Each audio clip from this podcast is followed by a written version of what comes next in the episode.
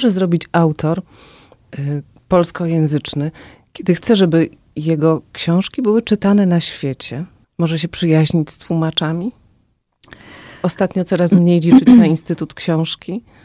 Prawda? Bo takie no to mamy prawda. czasy. W ogóle to jest tak, że mm, nie bardzo w literaturze, w ca na całym tym rynku i w tej, że tak powiem w cudzysłowie, robocie można wierzyć w jakieś coś takiego, że można coś zrobić, można coś wypromować na przykład. Że oczywiście zdarzają się takie przypadki, ale y, nie można wziąć kogoś y, y, i, i zrobić z niego gwiazdę książka musi być w jakiś sposób y, wibrująca, aktualna, nie wiem, nowa, zadziwiająca w jakiś sposób.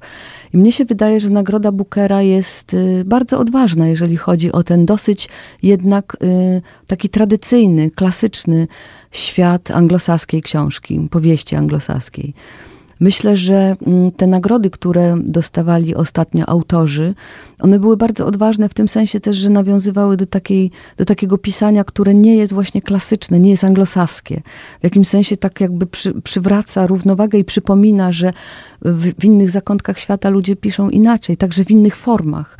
Nie opowiadają y, w takiej klasycznej formie opowieści dla średniej klasy, y, w linearny sposób, gdzie mamy mocne postacie, które się spotykają z jakimś y, problemem, rozwiązują go i tak dalej, ale też nie w taki sposób mm, stricte realistyczny, w takim zachodnim, anglosaskim rozumieniu.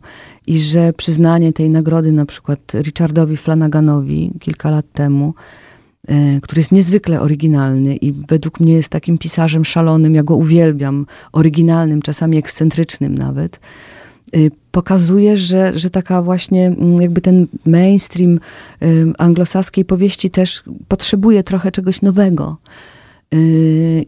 I dobrze, Han, że to jurorzy widzą. To, to jurorzy widzą. Y, myślę, że nagrodzenie Han Kan, y, którą ja w Polsce zresztą też sobie jakby dzisiaj się bardzo cieszę z tego i czuję satysfakcję. Próbowałam, jak umiałam promować, czyli tę niesamowitą jej książkę Wegetarianka. To też pokazuje jakby otwartość tych, tych jurorów na, na coś zupełnie innego, inny sposób, inny, inną, zupełnie inną wrażliwość. A myślę, że bieguni mm, mogą dawać do myślenia tą swoją formą, która jest jednak niezwykle prowokacyjna, e, która stawia pod znakiem zapytania wiele takich e, aksjomatów w opowiadaniu historii, czyli kompletnie znosi jedność miejsca i czasu, jest nielinearna, jest taką powieścią jakby z, z tak, opowiadał o takich peryferiach naszej rzeczywistości, a jednocześnie z monografią, literacką monografią jakiegoś zjawiska, fenomenu. Czyli coś takiego, co, co, co, co rzadko się pojawia, co właściwie mm, też w jakimś sensie stawia pytanie o to, czy to jest powieść w ogóle, czy, czy wymyśla jakiś swój inny gatunek. I bardzo jestem szczęśliwa, że y, w recenzjach y, tych angielskich pojawia się ci recenzenci powtarzają to moje powie, po, pojęcie powieści konstelacyjnej, e, które ukułam i które powtarzałam, ale jakoś tak w Polsce trochę z pewnym powiedzmy sobie, no takim powątpiewaniem y, ten, ten termin y, był, był przyjmowany. A teraz mam wrażenie, że ta powieść konstelacyjna nagle to pojęcie nabrało, do nich. tak, mhm. nabrało rumieńców.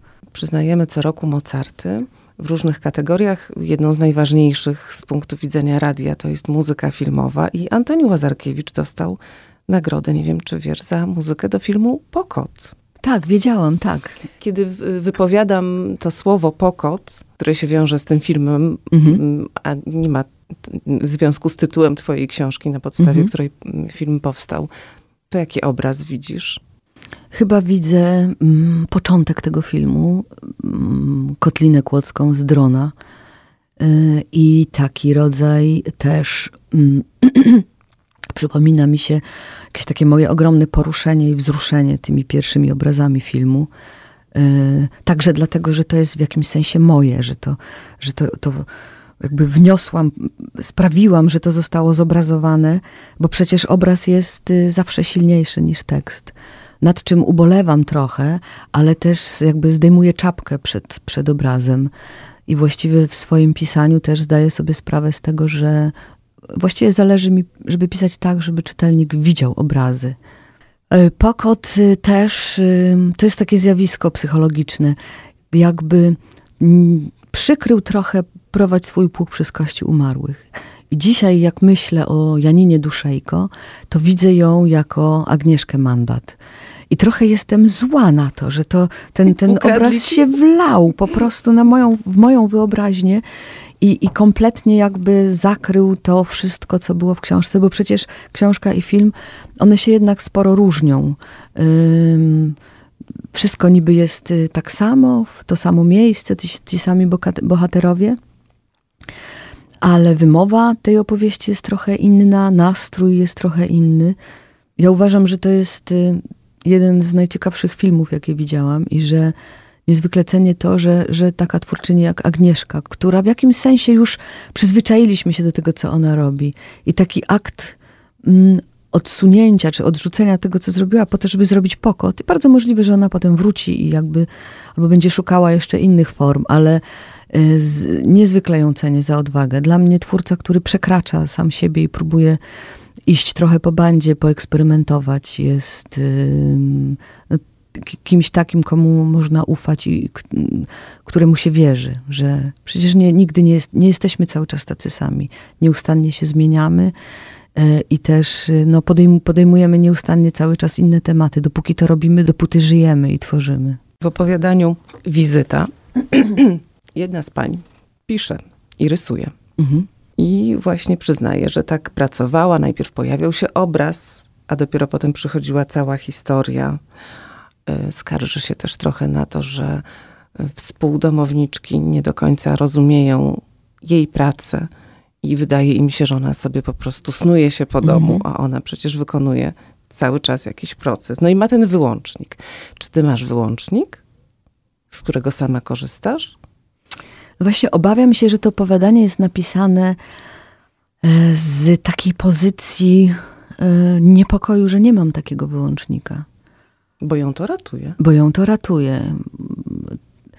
W ogóle to możliwość wyłączania jest, e, jest niezwykle wspierająca, jeżeli ma się takie grono ukochanych, zaufanych osób, które potrafią jakoś zarządzać naszą energią. Wiedzą, wiedzą kiedy, kiedy, i na jaki czas to, to opowiadanie jest bardzo osobiste. Być może, nie wiem, czy to widać, czy nie, ale w jakimś sensie opowiada o takiej sytuacji kogoś, kto, dla którego świata jest za dużo i który się nie, nie potrafi już znaleźć w tym wszystkim i mm, chciałby znaleźć jakby idealne, idealnie bezpieczną, poz, idealnie bezpieczną pozycję, mm, żeby zostać sobą. Paradoksalnie, żeby zostać sobą, należałoby też porzucić pewne pewne przywiązania do tego, kim się jest i umieć się wycofywać, jakoś totalnie wycofywać z niektórych zadań, momentów w swoim życiu. Nie mam wyłącznika, niestety.